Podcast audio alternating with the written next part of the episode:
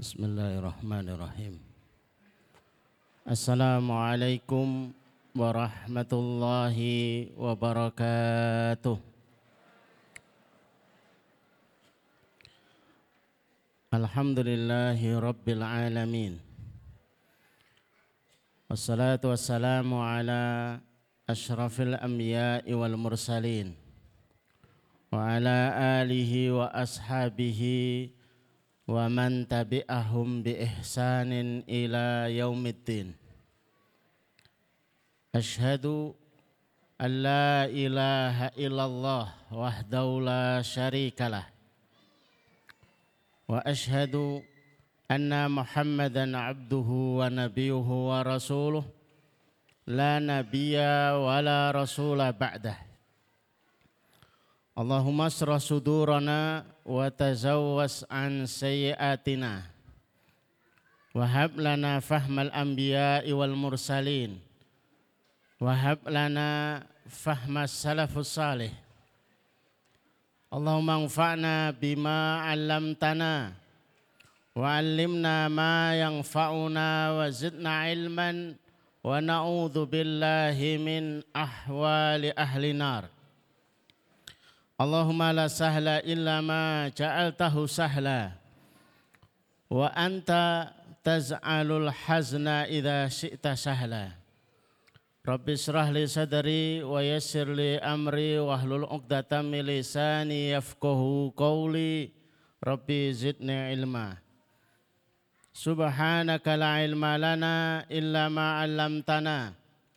Innaka antal alimul hakim Rabbana atina min ladunka rahmah wa lana min amrina rasada. Amma ba'd. Bapak, Ibu, jamaah sekalian yang semoga dirahmati Allah. Semoga dicintai oleh Allah SWT. Semoga diberkahi oleh Allah Subhanahu wa taala dan semoga diridhai oleh Allah Subhanahu wa taala. Alhamdulillah yang mengantar kita di tempat yang mulia ini, diringankan langkah kita, dimudahkan urusan-urusan kita, ditetapkan hati kita di dalam ketaatan, dan ditetapkan anggota badan kita berada dalam ketaatan. Kenikmatan yang luar biasa di mana tidak setiap muslim merasakan, apalagi setiap manusia merasakan. Episode sore ini adalah episode lanjutan. Ingin saya tambahkan dengan tema yang lain, tapi kemarin ada yang dipercepat gitu ya, karena keburu kena kartu tilang waktu selesai. Ketika kita berbicara tawakal, maka ada bagian sebelum tawakal yang mestinya itu menjadi mukodimah karena Allah menyebut kalimat tawakal dengan kalimat yang begitu indah. Diawali dengan wa may yattaqillaha yaj'al lahu makhraja wa yarzuqhu min haitsu la yahtasib. Dan pada bait inilah inti tawakal itu akan ditemukan dan kita tidak kesulitan untuk mencerna makna. Memahamkan dan lebih sederhana. Siapa-siapa yang bertakwa kepada Allah, maka Allah akan memberikan makhroja, jalan keluar. Bukankah problematika hari ini di dunia dan sampai nanti di dunia, kita ini sedang hari demi hari berburu solusi, jalan keluar dan berburu apa yang akan menyelesaikan masalah-masalah kita. Maka mereka yang mencari jalan keluar dengan takwa adalah orang yang bertawakal maka sulit dipisahkan arti takwa dan arti tawakal. Begitu pula kalimat selanjutnya min.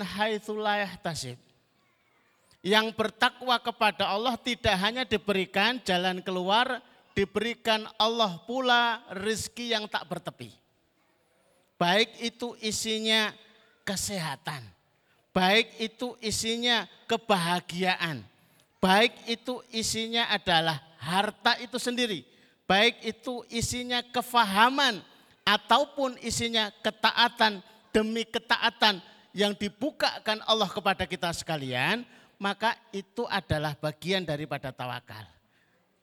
Karena setelah kalimat ini disebut oleh Allah Azza wa Jalla, lanjutan dari ayat ini adalah wa may yatawakkal 'alallah fahuwa hasbuh. Yang bertakwa kemudian dengan mendapatkan dua fasilitas makhraja dan rizki yang min haitsul adalah hakikatnya ya tawakal Allah. Menyerahkan urusan mewakilkan urusan kepada yang paling maha dan paling sempurna untuk bisa diselesaikan.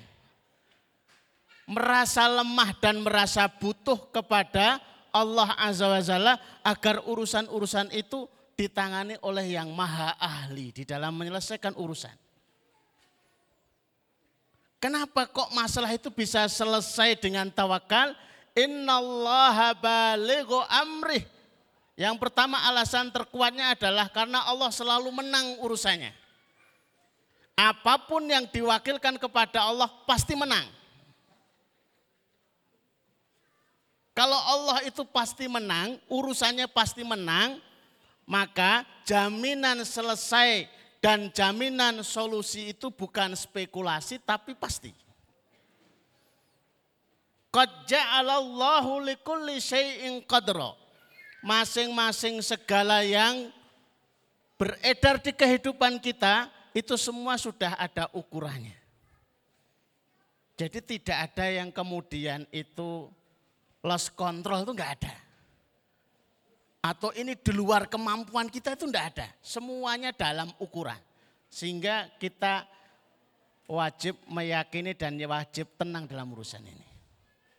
Bapak Ibu yang dirahmati Allah, agar kalimat dan tema kita nyambung dengan yang kemarin, kita lihat di layar televisi. Makna tawakal yang kemarin satu mewakilkan urusan kepada Allah. Dua merasa butuh kepada Allah. Dengan ini kemudian sedikit-sedikit kita minta kepada Allah. Tiga, orang yang bertawakal itu adalah memposisikan diri sebagai hamba hamba itu mengerjakan wilayah hamba. Sementara Allah sebagai yang kita jadikan Rob punya wilayah. Kalau wilayah kita itu keluar dari wilayah kehambaan, maka urusan itu menjadi ruwet.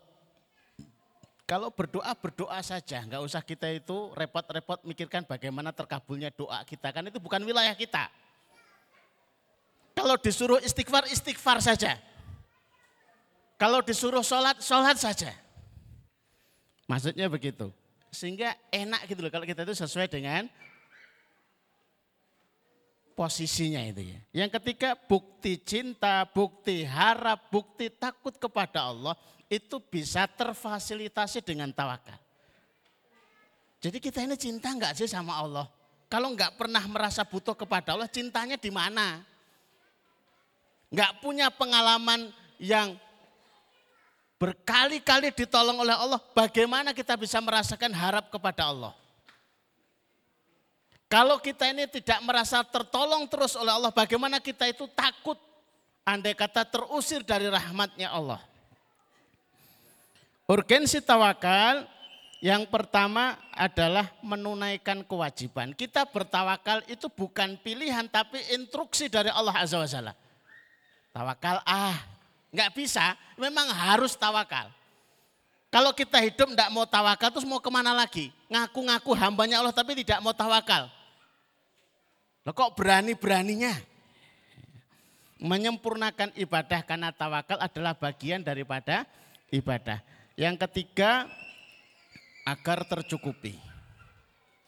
Sekuat tenaga, sekuat harta, sekuat ilmu yang kita punya, kemudian kita berusaha untuk mencukupi apa yang harus kita cukupi dalam kehidupan, hasilnya tidak mungkin tercukupi. Karena pasti ada wilayah yang tidak terjangkau oleh kita. Ada zona yang tidak bisa kita sentuh. Sudah direncanakan kayak apa pun, ya tetap meleset sana sini karena yang wilayah itu wilayah Allah Azza wa Jalla. Jangan nekat kita mau dengan kemampuan kita sendiri. Berapa banyak orang itu yakin pada dirinya sendiri tapi tidak yakin ditolong oleh Allah. Ini kan problem. Kalau kita itu yakin ditolong oleh Allah, kita itu tidak ada batasannya. Gara-gara kita ini yakin kepada diri sendiri, dampaknya jadi dampak yang nggak bagus Bapak Ibu. Allah yang maha tak terbatas, itu bisa kita batasi karena keterbatasan kita. Itu gara-gara kita ini tidak bertawakal. Apa bisa ya? Apa mungkin lah kalau itu dikembalikan kepada kita memang nggak mungkin. Kalau dikembalikan kepada kemampuan dan pengalaman kita memang nggak bisa. Tapi kalau itu diserahkan dan kita itu yakin ditolong oleh Allah, apa yang tidak bisa oleh kita?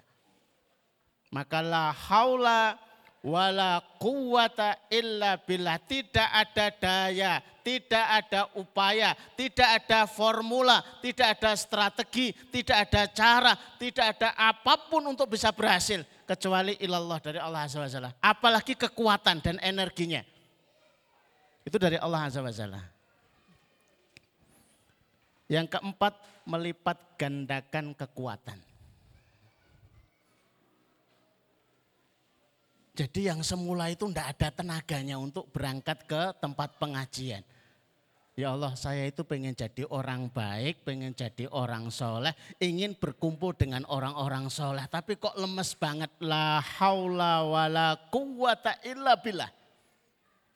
Tiba-tiba energi itu tertransportasi dari Allah Azza wa Jalla. Ya Allah saya itu pengen bersodakoh, saya itu ingin berkontribusi. Tapi selalu uang itu habis terus.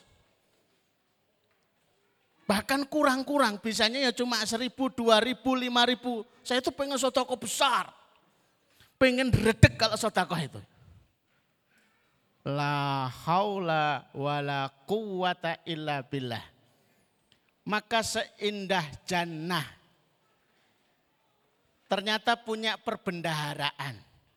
Perbendaharaan surga adalah la haula wa la quwata illa billah seindah nikmat jannah itu bisa diunggah melalui satu kalimat la haula wala quwata illa billah kalau kita memiliki kefahaman yang berlimpah tentang kalimat yang indah ini.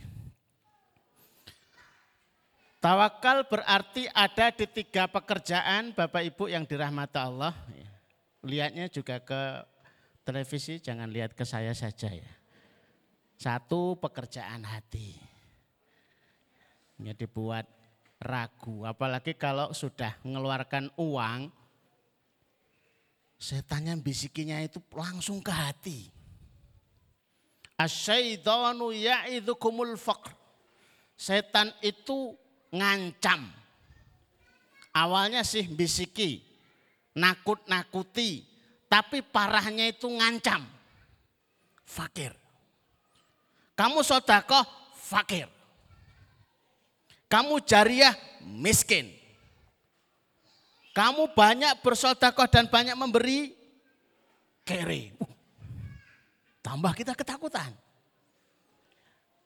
Kalau setannya itu enggak berbentuk, itu cukup a'udzubillahiminasyaitan, nirajim, itu hilang. Tapi kalau setan yang manuver, itu susah.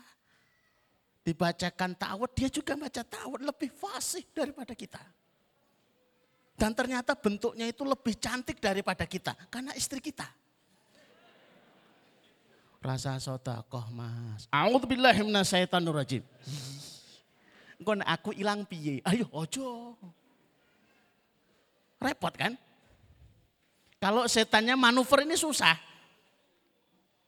Maka seorang ulama namanya Bahauddin. Mesir ya. Bukan Gus Baha yang dari Mesir li'an ara syaitanan ahabbu ilayya min an ara wisadatan. Aku ngelihat setan itu lebih aku sukai daripada aku lihat bantal. Kayaknya kita kebalik Pak. Kalau lihat setan, bacakan a'udzubillahi minasyaitonirrajim. Hilang. Kalau lihat bantal, bacakan A'udzubillahi minasyaitonirrajim. Ora hilang. Kalau dibacakan A'udzubillahi minasyaitonirrajim, bantal hilang, Pak Yasir rugi. Bantalku hilang bendino setiap lewat depan Raja Mebel. A'udzubillahi minasyaitonirrajim. Hilang siji, hilang loro, hilang telu. Padahal ajakan dan gangguannya itu nyaris sama. Ngajak tidur panjang, ngajak ngantuk, luar biasa. Maka pekerjaan itu hati. Mantep enggak? Yakin enggak? Sementara hati butuh kuota, logika juga butuh kuota. Kalau cuma sekedar ilmu kemudian di-share itu baru sebatas kuota logika, maka belum bisa dipraktekkan. Maka harus dibuktikan, dinyatakan, dipraktekkan, kemudian diulang-ulang agar tambah menjadi yakin, baru kemudian kuota hati itu terpenuhi. Dua, pekerjaan lisan dalam ikrar penyerahan Sekalipun hati itu yakin, kadang-kadang itu derdeknya masih. Gitu. Ya. Apa yang didengar oleh telinga?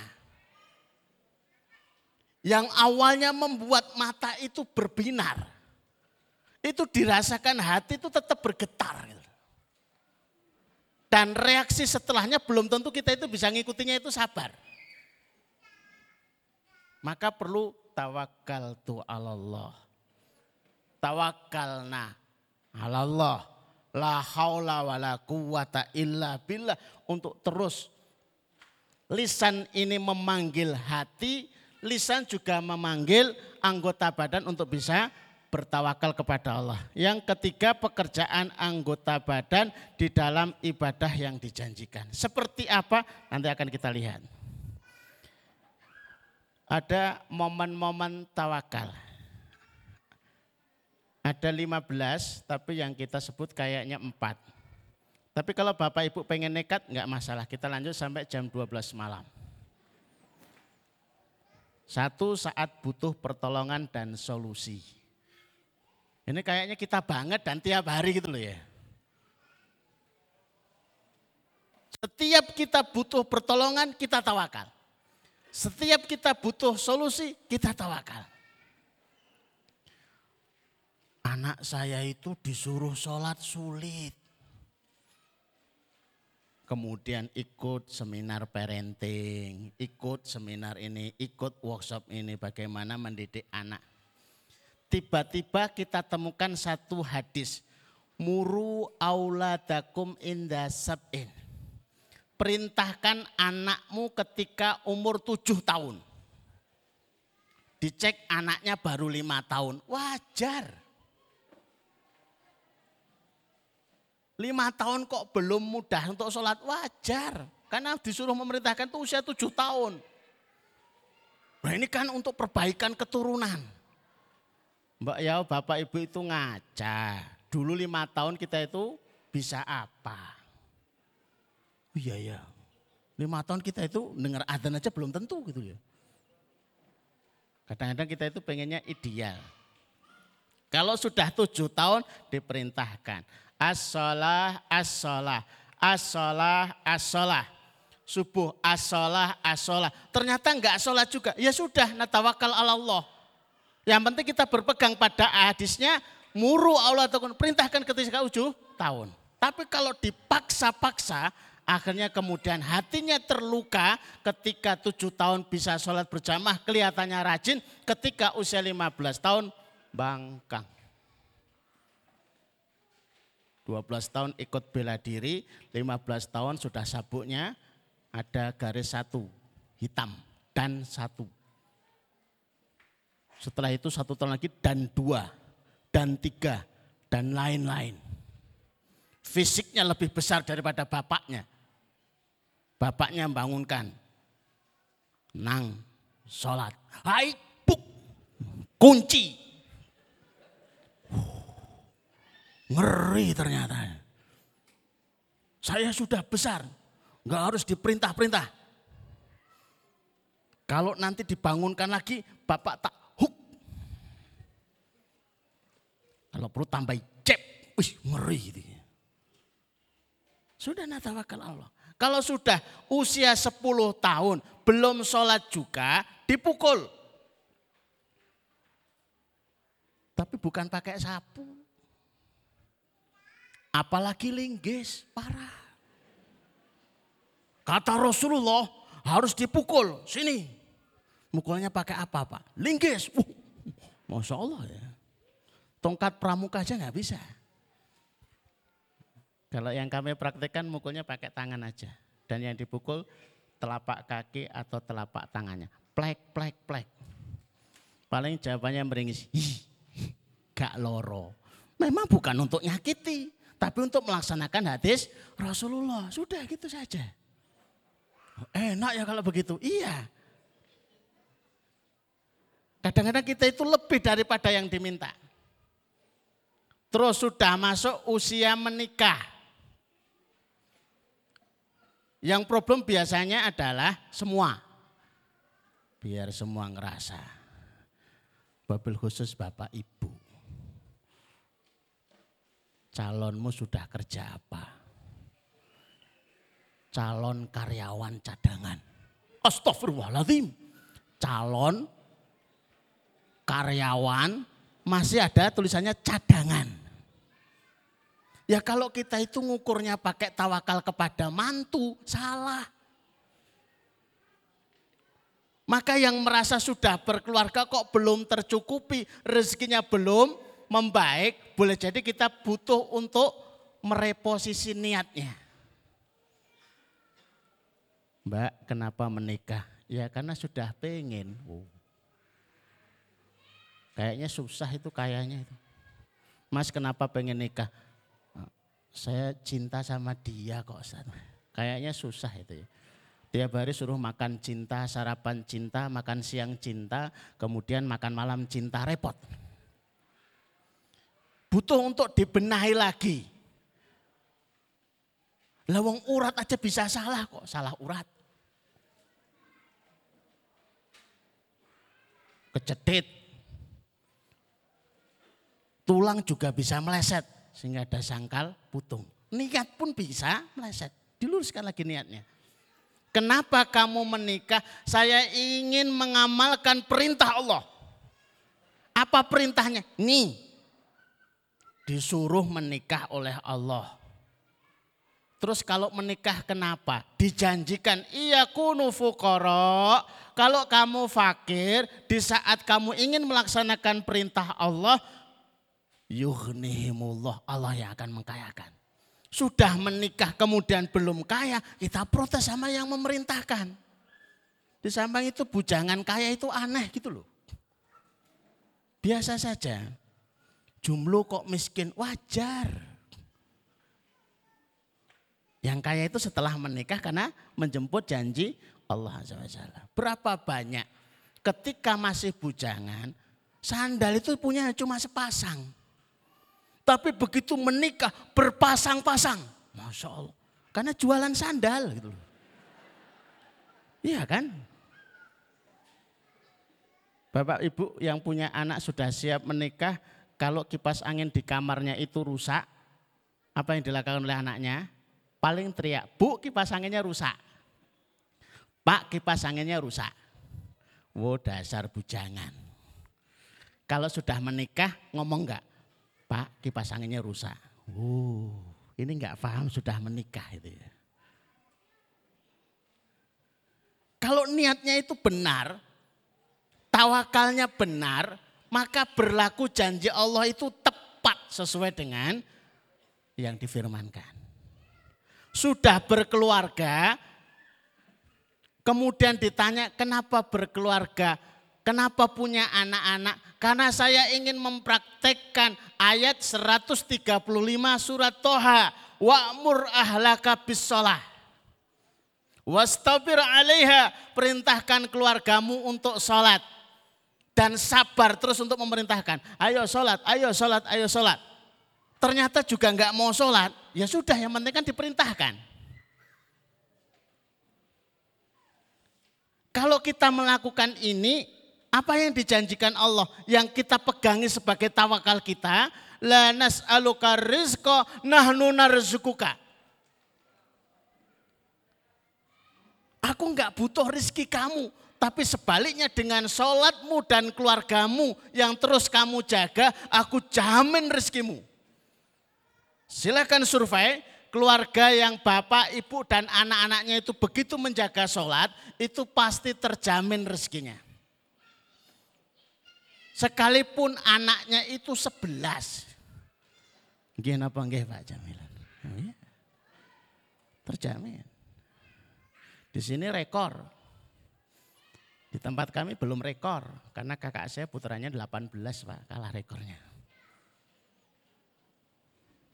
Dijamin. Resepnya itu. Tapi pekerjaannya cuma ini. Itu hanya sarana saja. Jaminan itu bukan dari pekerjaan, jaminan itu dari Allah. Kalau kita sudah melakukan apa yang diperintahkan oleh Allah, kemudian belum terjamin semua, baru kita tanya, ya Allah, kenapa belum terjadi? Apakah yang kurang dari kami? Ini luar biasanya tawakal kita itu seperti ini.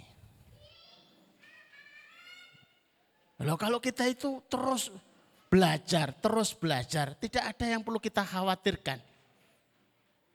Tengok surat Fusilat ayat 30. Tadi pagi kami jelaskan kepada seluruh karyawan.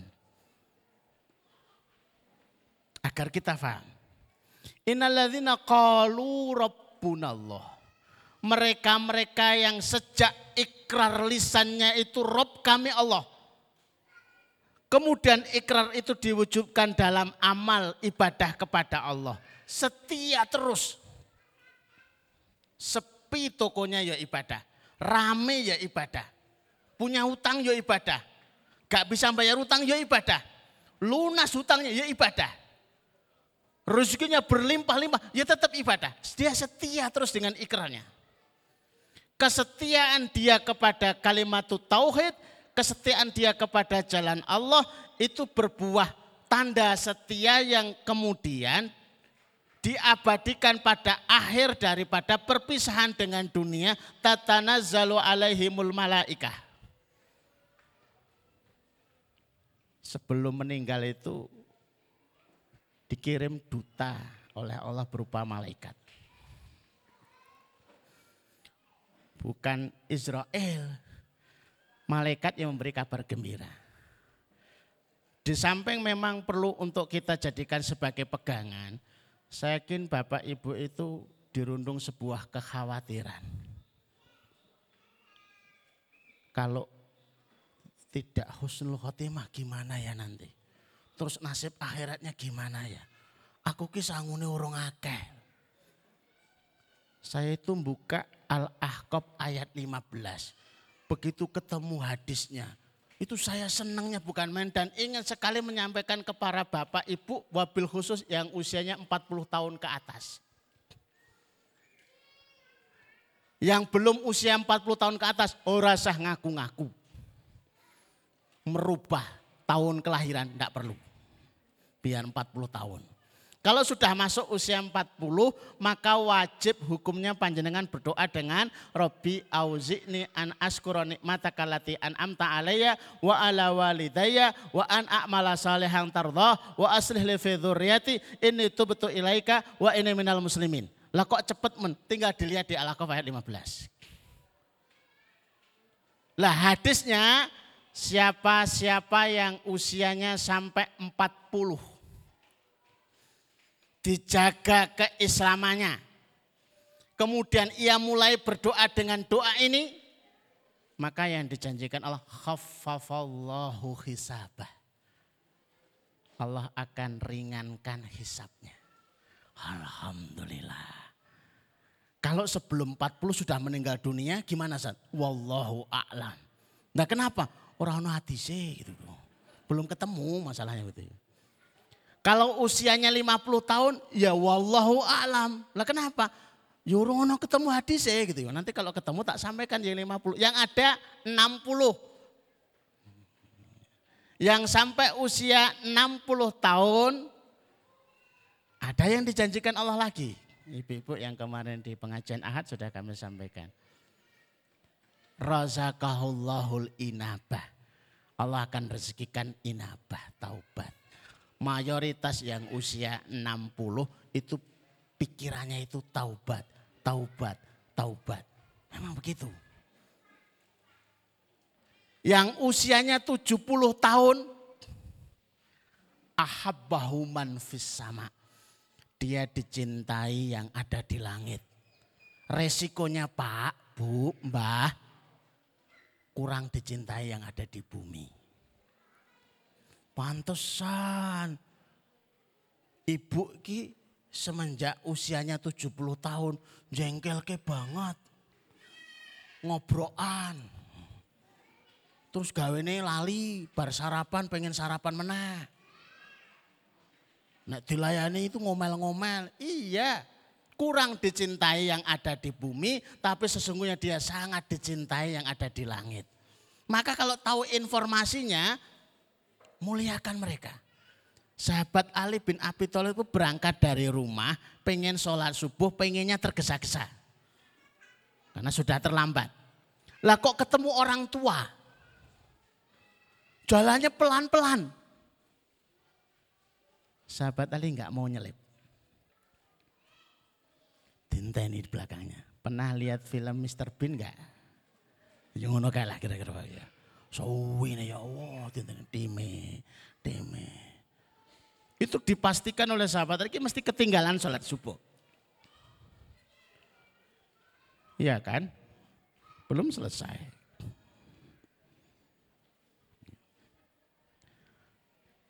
Ngikuti terus di belakang orang tua ini sampai matahari terbit. Ada bapak-bapak punya pengalaman ke masjid ngenteni wong ya Allah mbak ngerti aku muter sampai matahari terbit. Begitu sampai di masjid, ternyata orang tua ini nggak masuk masjid. Mung lewat tok. Lah kok, lah Nasrani? Astagfirullahaladzim ngerti yang ngono tak jigian loh. Tapi begitu masuk masjid ternyata Rasulullah masih ruku. Begitu sudah selesai, Baru Rasulullah cerita, saya itu rukuk pengen bangkit dari rukuk tapi tiba-tiba malaikat meletakkan sayapnya di punggung saya. Ini Rasulullah yang dikasih sayap malaikat di punggungnya. Tiba-tiba panjenengan sholat subuh mendapati imamnya enggak bangkit dari rukuk. Belum tentu itu ada malaikat yang naruh sayap di sana. Karena boleh jadi ketiduran gitu ya. Ini seperti hadis yang disampaikan Ustadz. Belum tentu ya, belum tentu. Baru kemudian setelah salat malaikat Jibril memberitahu ada sahabat ahli yang berjalan ke masjid karena ingin memuliakan orang tua jalan pelan di belakangnya sampai terlambat agar tidak terlambat minimal dapat satu rekaat karena mengikuti rukuk Rasulullah SAW maka ditahan dengan sayap malaikat yang ditaruh di punggung Rasulullah SAW. Luar biasa. Sudah habis waktunya. Iyan surkumullah fala ghalibalakum. Kalau Allah menolongmu maka tidak ada yang mengalahkanmu. Kalau Allah ingin mengalahkanmu siapa yang bakal menolongmu setelahnya? Maka oleh sebab itu mantapkan diri untuk selalu bertawakal kepada Allah wahai orang-orang beriman. Kalau musuh itu berpaling mulai menghadapkan permusuhan kepada kita baik melalui media, baik melalui nyata, bertawakallah kepada Allah. Saat makhluk berpaling darimu sudah diincar sejak TK. Disenangi, ditunggu sampai dewasa. Giliran sudah dewasa siap mau dilamar, dilamar keduluan orang lain. Ternyata orang lain itu temannya sendiri. Dan ternyata masih tetangga. Bagaimana rasanya itu Pak? Saya nggak tahu, saya nggak ngalami, jadi saya nggak tahu. Ya. Maka Wa in tawallau kalau makhluk berpaling darimu katakan hasbi Allah la ilaha illahua alaihi tawakatu wa huwa rabbul arsil azim yang selanjutnya ini disebut doa move on.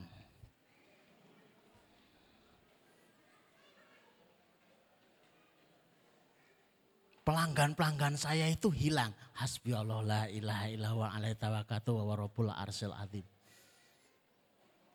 teman-teman saya menghindar dari saya. Hasbi Allahu la ilaha illahu alaihi tawakatu wa rabbul arsyil Itu sudah diserahkan kepada Allah. Kalau pakai ini masih wajar-wajar saja. Tapi ada ayat yang lain yang menyerahkan kepada Allah hasilnya menjadi tidak wajar dalam kenyataan. Kalau sudah wa ufawwidhu amri ilallah. Aku serahkan urusan ini kepadamu ya Allah. Itu masalah setelahnya. Apalagi sampai berdoa dengan doanya Nabiullah Nuh. Itu lebih masalah lagi. Doa Nabiullah Nuh, Nuh doa yang paling keras dalam sejarah para nabi. Ini sudah diserahkan. Robbi la tadhar alal ardi minal kafirina dayara. Ya Allah jangan sisakan satu orang kafir pun di dunia ini. Habiskan sampai keturunannya. Kalau bahasa Jawanya itu tumpes kelor tumpes sak cindilabangi. Entek gitu ya. Maka banjir Nabi Nuh itu menghabiskan semuanya. Alasannya apa sih kok sampai sekeras itu? Inaka intadarhum yudhillu ibadaka. Walam yalitu illa fajiran kafaro. Kalau engkau sisakan satu saja ya Allah. Yang mereka lahirkan itu ya generasi-generasi pembuat dosa dan generasi-generasi kafir. Maka habiskan semuanya. Ini doanya paling keras. Maka dihabiskan semuanya, tidak ada yang tersisa kecuali yang ikut dalam kapal Nabi Nuh. Bapak Ibu yang dirahmati Allah, mudah-mudahan ini mencukupi Bapak Ibu sekalian karena besok temanya sudah berganti. Kalau masih penasaran itu sisanya kok nggak diteruskan saat sisanya alhamdulillahirabbil alamin harusnya begitu ya. Saat kamu ingin apa itu diwakili di setiap urusan terus terakhirnya alhamdulillah. Ben rampung daripada saya ditagih daripada panjenengan tidur nggak jenak, terbawa mimpi, dalam mimpi saya ditagih kan ya repot itu ya. Kita selesaikan Alhamdulillah. Kita tutup majelis kita dengan berdoa di hari yang mustajab. Jumat sore ba'da asar sebelum maghrib. Bismillahirrahmanirrahim. Allahumma salli ala Muhammad wa ala ali Muhammad kama sallaita ala Ibrahim wa ala ali Ibrahim innaka Hamidum Majid. Allahumma barik ala Muhammad wa ala ali Muhammad kama barakta ala Ibrahim wa ala ali Ibrahim fil alamin innaka Hamidum Majid. Walhamdulillahi rabbil alamin. Bismillahirrahmanirrahim. Alhamdulillahi rabbil alamin. Arrahmanirrahim maliki yaumiddin. Iyyaka na'budu wa iyyaka nasta'in. Ihdinas siratal mustaqim. Siratal ladzina an'amta 'alaihim ghairil maghdubi 'alaihim waladhdallin. Amin. La ilaha illa anta subhanaka inni kuntu dhalimin. La ilaha illa anta subhanaka inni kuntu dhalimin. La ilaha illa anta subhanaka inni kuntu dhalimin. Allahumma ya Rahman ya Rahim ya Hayyu ya Qayyum ya Dzal Jalali wal Ikram. Allahumma ya Rahman ya Rahim ya Hayyu ya Qayyum ya Dzal Jalali wal Ikram. Allahumma ya Rahman ya Rahim ya Hayyu ya Qayyum ya Dzal Jalali wal Ikram. Allahumma barik lana fi ahlina wa barik lana fi amwalina wa barik lana fi makasibana wa barik lana fi awqatina wa amrina ya rabbal alamin. Ya Allah berkahilah keluarga-keluarga kami. Ya Allah berkahilah harta-harta kami. Ya Allah berkahilah usaha-usaha kami. Ya Allah berkahilah waktu dan usia kami birahmatika ya arhamar rahimin. Allahumma dzib hammana, Allahumma dzib hammana, Allahumma dzib hammana ya Allah, angkatlah masalah-masalah kami. Ya Allah selesaikanlah urusan-urusan kami birahmatika ya arhamar rahimin. Allahumma inna nas'aluka min khairin ma sa'ala minhu nabiyuka Muhammad sallallahu alaihi wasallam wa na'udzubika min syarri ma sta'adha minhu nabiyuka Muhammad sallallahu alaihi wasallam. Antal musta'an, alaikal balag, wala khawla wala quwwata illa billah. Ya Allah sesungguhnya kami memohon seluruh kebaikan yang pernah diminta oleh Nabi kami Shallallahu Alaihi Wasallam. Sesungguhnya kami minta perlindungan sepenuh perlindungan sebagaimana yang diminta perlindungan itu oleh Nabi kami Shallallahu Alaihi Wasallam. Engkaulah tempat kami meminta, engkaulah yang menyampaikan hajat-hajat kami. La haula wa la quwata illa billah. Allahumma kfina bihalalika an haramika wa aghnina bifadlika amman siwaka. Allahumma kfina bihalalika an haramika wa aghnina bifadlika amman siwaka. Allahumma kfina bihalalika an haramika wa aghnina bifadlika amman siwaka. Ya Allah, cukupkan aku dengan rezekimu yang halal sehingga kami tidak butuh kepada rezekimu yang haram. Ya Allah, kayakan kami dengan anugerahmu sehingga kami tidak butuh kepada selainmu. Allahumma inna nas'aluka amalan baran wa rizqan daran wa aishan wa qaran. Ya Allah, anugerahkan kepada kami amalan yang baik-baik, rezeki yang mengalir, kehidupan yang tenang, kehidupan yang tentram birahmatika ya arhamar rahimin. Rabbana hab lana min azwajina wa dhurriyyatina qurrata ayun waj'alil muttaqina imama. Rabbi ja'alni muqima salah min dhurriyyati Rabbana taqabbal du'a. Rabbana atina min ladunka rahmah wa hayyi lana min amrina rasada. Allahumma inna nas'alukal huda wat tuqa wal afafa wal ghina birahmatika ya arhamar rahimin. Rabbana atina fid dunya hasanah wa fil akhirati hasanah wa qina adzaban nar wa qina adzaban nar wa qina adzaban nar wa sallallahu ala Muhammadin wa ala alihi wa sahbihi wa sallim. Subhana rabbika rabbil izzati amma yasifun wa salamun alal mursalin walhamdulillahi rabbil alamin. Aku qouli hadza